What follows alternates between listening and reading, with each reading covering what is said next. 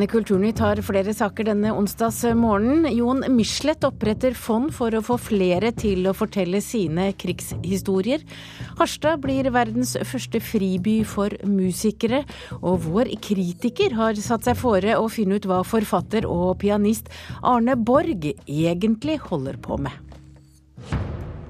Velkommen til Kulturnytt. Jeg heter Hege Holm, og nå skal vi altså først til politikken.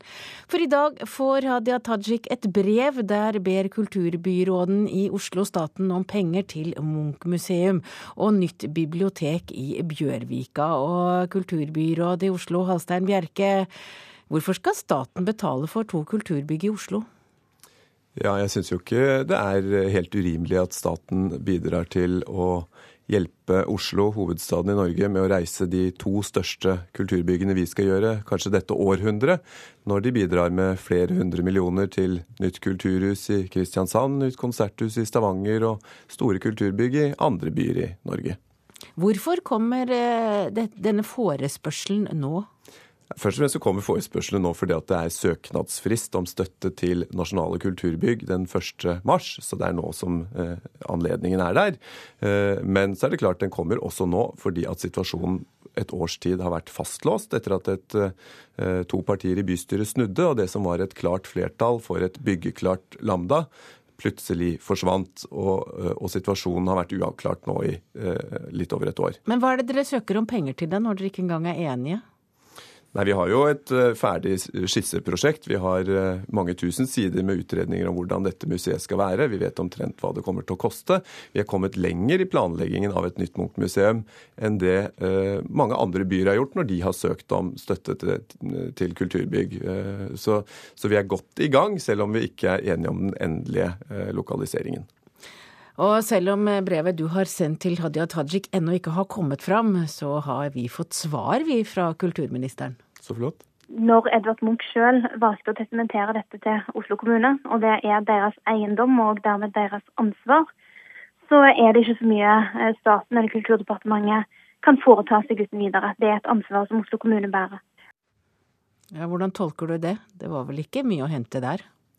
Jeg tolker nok det som et endelig svar på våre søknader, som vi da skal, skal sende før 1.3. Og, og eh, jeg tror at kulturministeren eh, tar imot vår eh, utstrakte hånd, ønsker dialog med oss.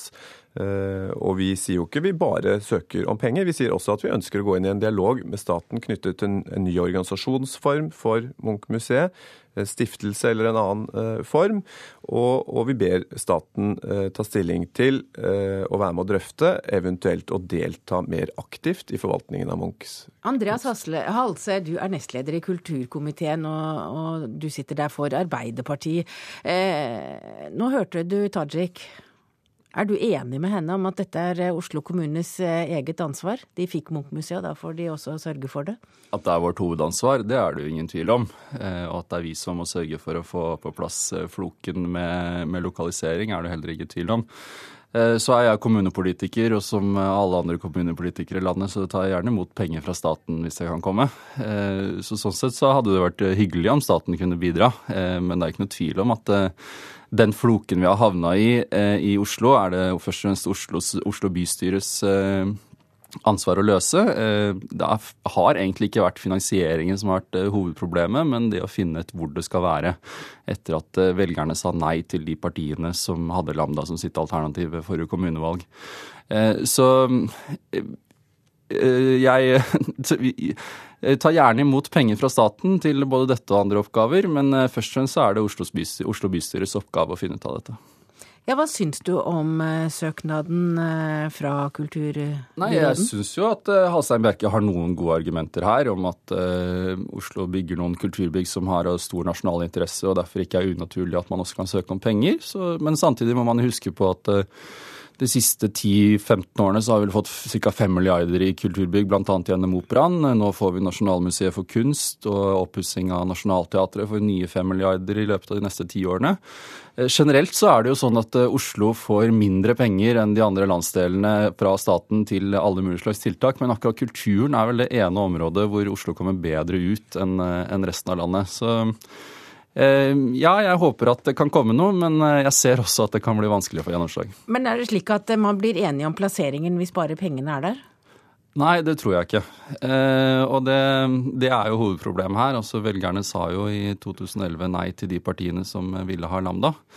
Eh, og nå venter vi jo på saken fra byråden som skal følge opp disse utredningene vi har hatt. Vi ble fortalt jul, før jul at de skulle komme snart. Nå ser jeg det står igjen i det brevet han har sendt at eh, saken skal komme snart. Så det vil jo gi grunnlaget for, eh, for forhandlingene om eh, hvor museet faktisk skal ligge. Ja, vi har deg jo her, Bjerke, så du kan svare. Når?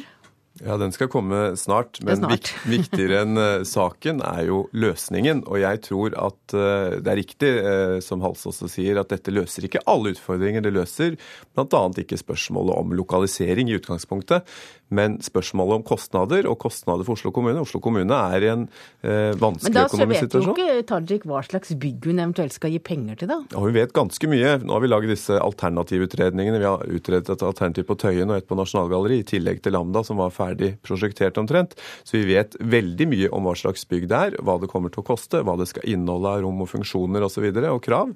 Så vi vet eh, veldig mye om hva slags eh, bygg dette skal bli. Men den endelige lokaliseringen, den kan ikke Oslo-politikerne skyve fra seg, det er jeg enig i. Og, og, det totale ansvaret for forvaltningen av Munchs eh, kunstarv som Oslo kommune har fått, kan vi heller ikke skyve fra oss. Men eh, jeg tror eh, Oslo og staten eh, er tjent med å ha en bedre dialog om dette som er kanskje en av de største kulturbyggene og viktigste kulturbyggene vi skal reise Ja, altså Er dialogen for dårlig? Har dere lite kontakt med moderpartiet? Eh, nei, vi snakker jo med kulturministeren jevnt og trutt, og det gjør jeg med glede igjen. Eh, for hun er en dyktig kulturminister. Men eh, først og fremst så har jo dette vært en Oslo-sak, og det er det fortsatt. Eh, og uansett hvordan vi vrir og vender på denne finansieringsdiskusjonen, så er vi fortsatt nødt til å finne ut av hvor det faktisk skal ligge hen. Eh, så eh, bidrag fra andre er jo selvfølgelig kjærkomne penger i enhver kommunekasse, men man må faktisk også vedta hvor det skal ligge, og det er det til syvende og sist bare bystyret som kan gjøre. Takk til Andreas Halse, nestleder i kulturkomiteen i Oslo Bystyret sitter for Arbeiderpartiet. Og takk til deg, Halstein Bjerke, du er byråd for kultur og næring.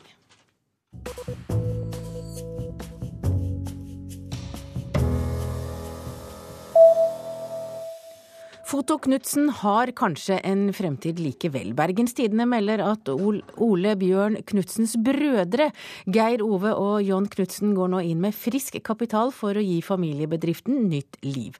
Ole Bjørn Knutsen kjøpte ut brødrene i 1999. I tillegg til de to brødrene skal også en tredje person gå inn med kapital. Nettbokhandelen Amazon planlegger strømming av TV-serier og filmer. Selskapet ønsker nå å utfordre Netflix, og har allerede sikret seg rettigheter i stor skala for det amerikanske markedet, skriver Dagens Næringsliv. Amazon vil trolig komme ut med sin første originalproduserte TV-serie høsten 2013. Det er forbud mot tyrefekting flere steder i Spania, men det forbudet må oppheves hvis nasjonalforsamlingen bestemmer seg for å gjøre tradisjonen til en del av den spanske kulturarven, melder BBC. Både Catalonia og Kanariøyene har i dag forbud mot tyrefekting.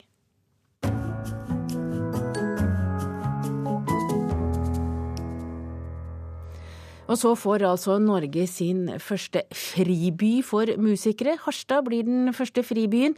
Byen skal altså bli en frihavn for verdens forfulgte musikere. Dette er en veldig hyggelig dag og en viktig dag. En stor dag for Jan Lote Eriksen, som er prosjektleder for SafeMuse, fribysatsingen til Musikernes Fellesorganisasjon. I dag kan han nemlig erklære Harstad for verdens første friby for musikere. En friby er en by som har sagt seg villig til å være vertskap i denne sammenhengen da, for en forfulgt musiker. Hvor uh, denne musikeren får uh, arbeidsmuligheter og kunne jobbe uten å bli trua eller uh, kaste i fengsel eller ja, Og han får jobbe i fred. For det er ikke overalt man kan spille musikken sin uten risiko for å bli forfulgt og straffet. Tyrkia skal man ikke være kurder og spille kurdisk eller fremføre kurdisk musikk.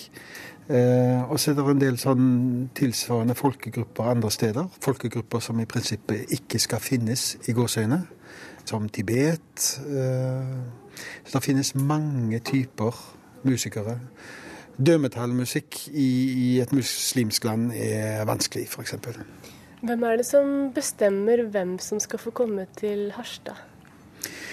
Vi har gjort en avtale med Free Muse, som er en ytringsfrihetsorganisasjon som holder til i København. En internasjonal ytringsfrihetsorganisasjon. Og vi har da gjort en avtale om at de skal være såkalt clearinghouse, eller den kompetansen som skal finne frem til og klarere sikre at dette faktisk er musikere, og at det faktisk er musikere som får fulgt. Hun har akkurat ankommet Oslo for å signere papirer og feire.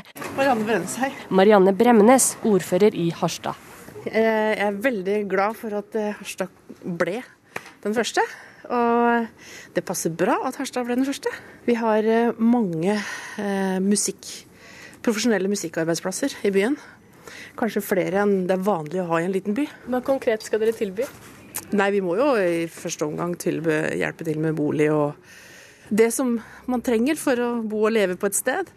Og så sørge for at vedkommende får eh, et godt opphold i byen vår. Og så i samarbeid med fylkeskommunen så skal vi også sørge for at han får nok å gjøre. Ja, og det sa til slutt ordfører i Harstad, Marianne Bremnes, til reporter Ina Strøm. Du hører på Nyhetsmorgen i P2. Dette er hovedsaker i nyhetene akkurat nå. Politiet har løslatt mannen som ble pågrepet mistenkt for å ha truet med å sprenge Stortinget. USAs president vil bruke det neste året på immigrasjonsreform og tiltak som skal få fart på økonomien igjen. Og det er krig mellom Moods of Norway og Moose of Norway. Ja, da skal vi høre mer om eh, krigen om, eh, mellom Moods og Moose. For en elg med påskriften Moose of Norway blir nå fjernet fra en rekke turistbutikker. Motedesignerne i Muds of Norway mener logoen ligner for mye på deres merkevare. Elg er jo det største. Det er jo nasjonaldyret. Det er elg alle spør etter. Truls Jordan viser fram T-skjorte, tøfler og hue med den norske elgen på. Og Skogens konge har solgt godt i de 40 åra Jordan har vært innehaver av kiosken på Fløyen. Ja, så dette må jeg slutte med den 1. mars. Her står det Moose of Norway under elg. For elgen har havna i trøbbel pga. påskrifta Moose of Norway. De kjente designerne i Moods of Norway har nemlig fått stansa alt salget av disse elgproduktene. I et brev til forhandlerne skriver selskapet bak Elgen, Brødrene Flårønning AS, at Moods of Norway mener merkenavnet deres blir krenka, og at de ikke har noe ønske om å snylte på andre. Derfor må alt salget stanses innen 1. mars. Turistene på Fløyen syns dette høres rart ut. Well, I don't think that that's quite right. But lots of things sound very much alike, but they, if the symbols were the same, then that would be different. Men merkevareekspert ved Norges handelshøgskole Magnus Suppellen sier Moose er for likt Moods. Så eh, Høyst sannsynlig så rammes jo dette av eh, merkevareloven. Spesielt eh, er dette problematisk fordi vi snakker om klær i begge tilfeller. Men betyr det at eh, alle navn som ligner på Moods of Norway, f.eks. Mouse of Norway eller Muse of Norway, vil for all tid ikke kunne brukes av en norsk bedrift? De vil på samme måte kunne eh, rammes av merkevareretten og den beskyttelse som Moods of Norway har. Utenfor designbutikken i Bergen sentrum syns kundene de to logoene er ganske så like. Ja, det blir liksom likt for det ikonet er akkurat likt, bare altså de har en elg og de har en traktor, liksom. Jeg syns liksom det blir litt rart på en måte å etterligne akkurat det samme, på en måte. På toppen av Fløyen står Truls Jordan tilbake, og mener designerne som omsetter for flere hundre millioner kroner i året, er smålige. Jeg bare synes det, altså Disse gutta har millioner på bok, så jeg skjønner ikke at de gidder. ja, Moods of Norway vil ikke uttale seg om saken. Reporter her var Johannes Moland. Flere norske krigshistorier må fram i lyset og dokumenteres. Det mener forfatteren Jon Michelet, som nå gjør stor lykke med sin siste roman, En sjøens helt, Skogsmatrosen. Nå putter han store deler av inntektene i et fond som skal stimulere flere til å fortelle sin krigshistorie. Der skal folk kunne søke om å kunne dokumentere krigsseilas under annen verdenskrig. Der fins det en mengde materiale, eh, dagbøker, brev, fotografier, som jeg har fått tilgang til noe, men offentligheten bør få tilgang til mye mer. Det andre er at jeg også vil gjøre noe for de nye krigsveteranene. Altså de som har deltatt i norske styrker i utlandet, helt fra Tysklandsbrigadene etter annen verdenskrig og fram til Afghanistan-krigen og kanskje kommende kriger. Jon Michelet har innkassert en god fortjeneste på sin siste roman, En sjøens helt, Skogsmatrosen. Nå vil han plassere et millionbeløp i et fond, der avkastningen skal gå til nye prosjekter som kan dokumentere krigshistorier, fortalt av norske krigsveteraner. Ja, jeg har møtt uh, dagens krigsveteraner. Ganske unge. altså De kunne vært uh, ja, barnebarna mine, i hvert fall en av dem som sitter foran meg i et foreningslokale i Oslo og forteller en historie som er så rystende at uh, han skjelver, og jeg begynner å skjelve. Og da tenker jeg her er det noe som vi må få ut og fram og dokumentere hvis han kan og vil det. Og det sa forfatter Jon Michelet til reporter Lars Håkon Pedersen.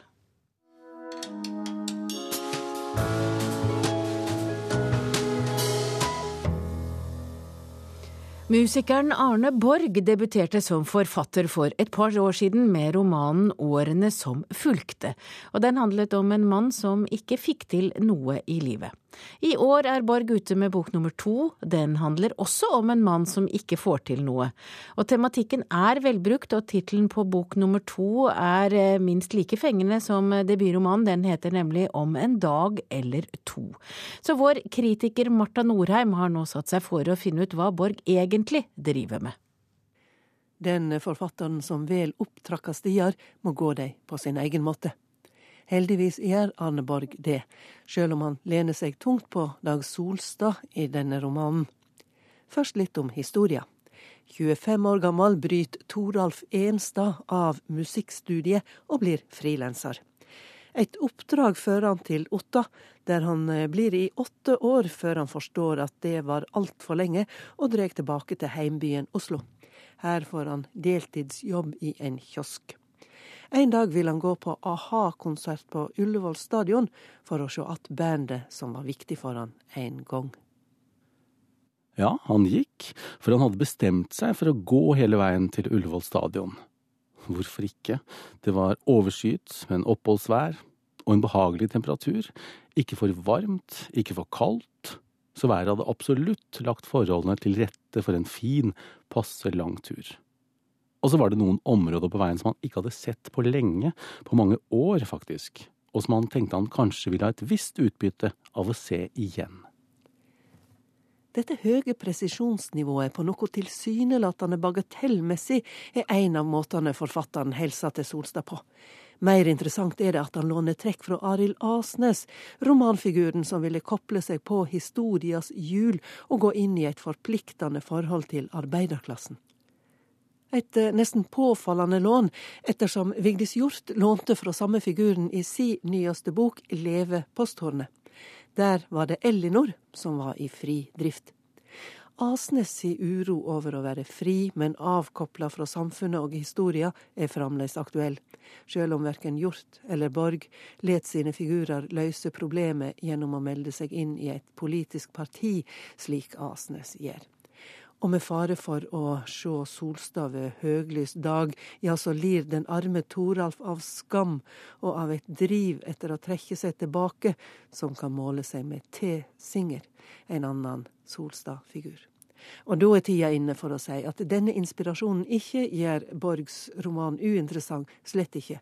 Toralf Enstad lever sitt eget liv i Om en dag eller to. Det vil si, hans distanse til livet er hans egen, og forfatteren fører han med stødig hand helt fram til a-ha-konserten, der det uhørte skjer, bokstavelig talt. Den fråkopla mannen er portrettert på ny.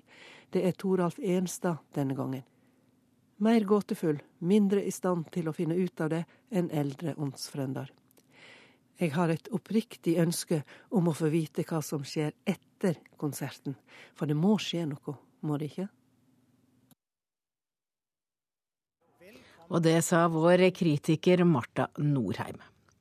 Stavanger symfoniorkester ønsker seg flere norske musikere. De siste fem årene har orkesteret ansatt 16 nye musikere. Alle kommer fra utlandet. Årsaken er for få norske søkere, mener orkesteret. Nå snakker altså nesten halvparten av musikerne et annet språk enn norsk.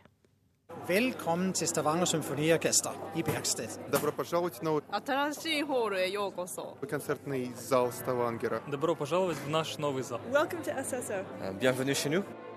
Ja, velkommen skal vi være både på japansk, fransk, ukrainsk, amerikansk og all slags språk. De er fra alle verdensdeler og har ganske lett funnet tonen. Jeg tenkte da jeg kom til Norge at det var den hyggeligste opplevelse å spille i. Folk er så vennlige og kommer og sier hei og, og introduserer. Stacey Dixon fra New Zealand søkte seg hit for fire år siden og har ingen planer om å slutte med det første. For i resten av verden er det ikke så lett å være verken musiker eller oboist akkurat nå. Først og fremst det er enda mer vanskelig å finne jobb i orkestre i verden. Uh, du kan godt se i USA at de får så mange problemer nå med økonomi uh, i orkesteret. Og i Norge det er veldig høy nivå og veldig stor respekt fra publikum til musikk. Jeg er så glad hver gang jeg ser ut i publikum, og vi har fullt sal hele tiden. Og, folk, uh, folk liker musikk, faktisk. Å spille i orkester i Norden er en, en god opplevelse, for du vil ikke tenke hele tiden kanskje orkesteret skal stenges, eller kanskje vi skal vet i Minnesota i USA nå, det har vært uh, låst ut av jobben to måneder nå. Ilmari Hopkins fra Finland har elleve år bak seg i Stavanger Symfoniorkester, og ser bare fordeler med at orkesteret nå består av hele 21 nasjonaliteter.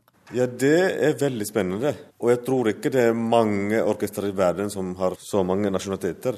Og vi snakker i orkesteret sammen ganske mange forskjellige språk. Men mest betyr det alle har kanskje sine sett å spille fra sine land, fra sine kultur. Og da er vi her, og vi alle tar noe fra vår skole. Det blir til noe veldig spennende.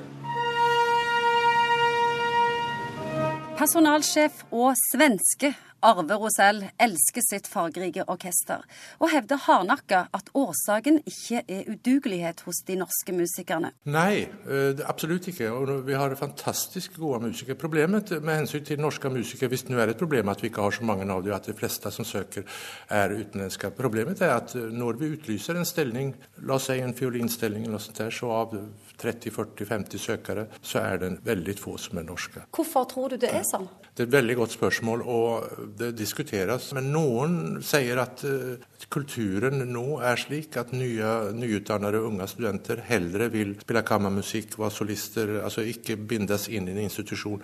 Om det er korrekt eller ikke, det vet jeg ikke. Men det er veldig mange gode norske musikere som vi ikke ser på prøvespillene. Men dere ønsker at flere norske skal søke? Ja. Vi hadde hemst gjerne sett gode, unge norske musikere som vi vet fins, at de hadde søkt seg til, til orkesteret når det var ledige tjenester. Ja, ikke fordi at det er et problem med, med, så stor grad av utlendinger, men derfor at uh, vi gjerne hadde sett det også. Vi skal ikke fullstendig forlore vår identitet heller. Og reporter i Stavanger var Ingvild Bjoland.